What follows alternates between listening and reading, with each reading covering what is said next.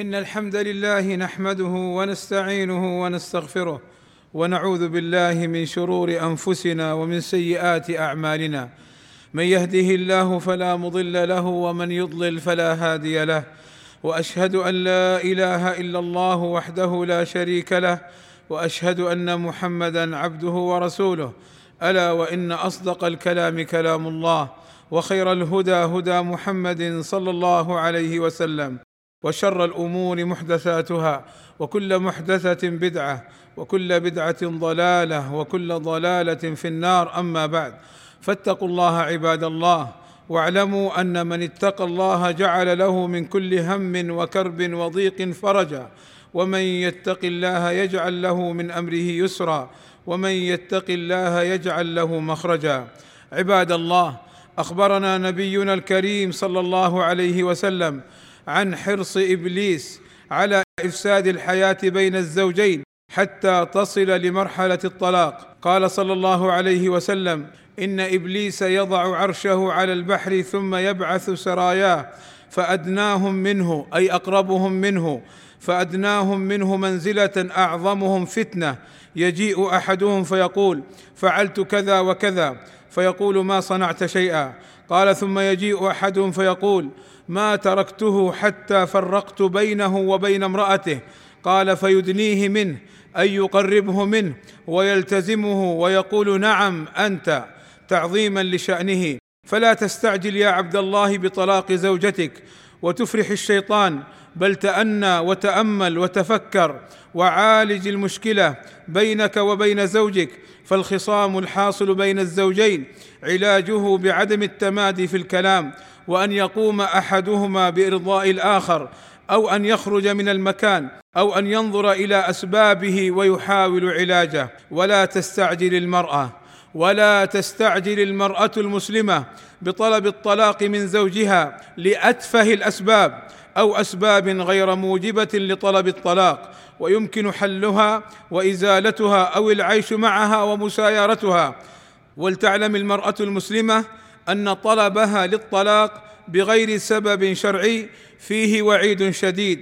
قال صلى الله عليه وسلم أيما امرأة سألت زوجها الطلاق من غير بأس أي من غير عذر شرعي من غير بأس فحرام عليها رائحة الجنة. وقال صلى الله عليه وسلم إن المختلعات هن المنافقات أي التي تخالع زوجها بغير عذر شرعي. ففي الحديث الزجر والتهويل من طلب الخلع أو الطلاق بغير عذر شرعي.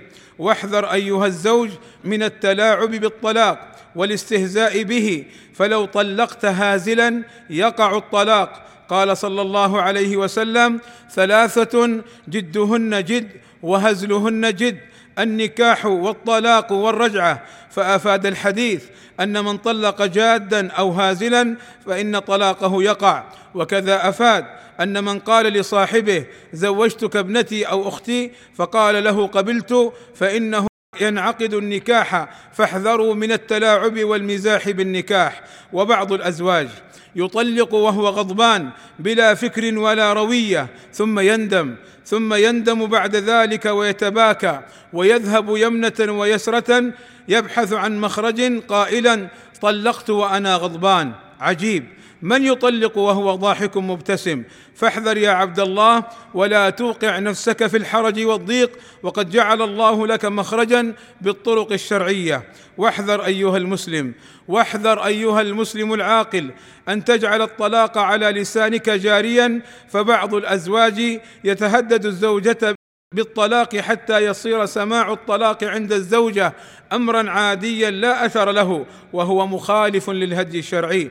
واعلم أيها الزوج أن الطلاق الشرعي هو أن يطلق الرجل زوجته في طهر لم يجامعها فيه أو يطلقها وهي حامل طلقة واحدة. قال الله تعالى يا أيها النبي إذا طلقتم النساء فطلقوهن لعدتهن وأحصوا العدة.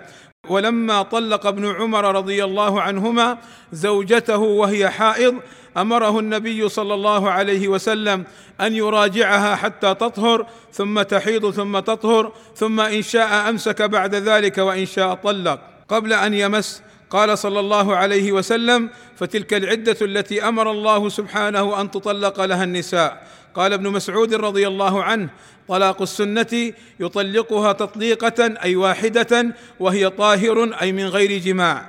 فاحذر أيها الزوج أن تطلق زوجتك وهي حائض أو نفساء واحذر أن تطلقها في طهر قد جامعتها فيه.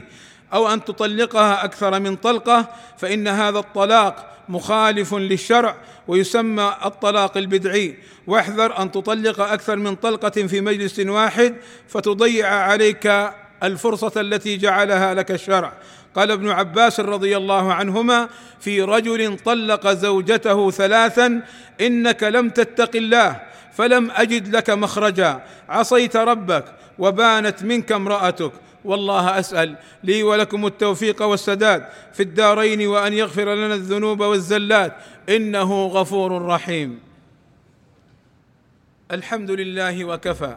والصلاة والسلام على نبينا المصطفى وعلى آله وصحبه أولي النهى.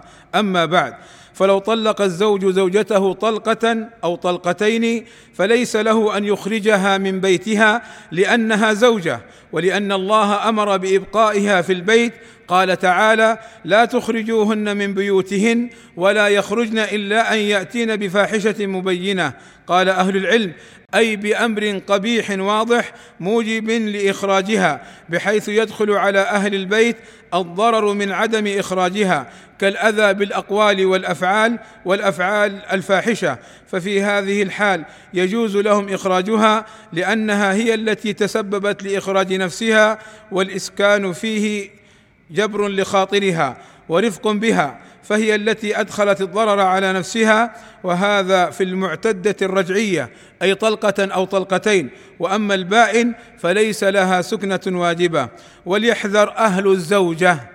وليحذر أهل الزوجة من أن يخرجوها من بيتها أو يرضون بخروجها إذا طلبت ذلك بل تبقى الزوجة في بيتها. لعل الله أن يصلح ما بينهما. أما إن خرجت أما إن خرجت الزوجة من بيت الزوجية فإن المشاكل تكثر وتكبر. وقد يوجد من يسعى لعدم رجوعها بالفتنة بينهما.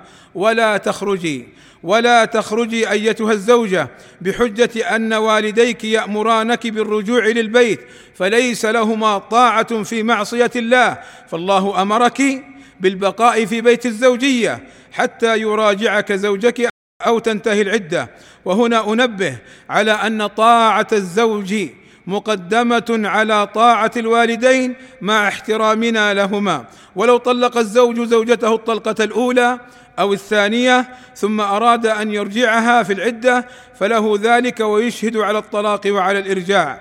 قال عمران بن حسين رضي الله عنه لرجل طلق زوجته أشهد على طلاقها وعلى رجعتها ولا تعد.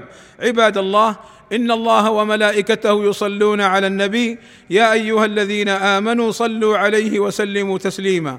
اللهم صل على محمد وأزواجه وذريته كما صليت على إبراهيم وبارك على محمد وأزواجه وذريته كما باركت على آل إبراهيم إنك حميد مجيد.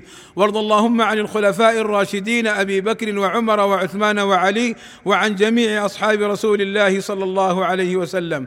اللهم آتنا في الدنيا حسنة وفي الآخرة حسنة وقنا عذاب النار. اللهم اغفر للمسلمين والمسلمات والمؤمنين والمؤمنات الأحياء منهم والأموات.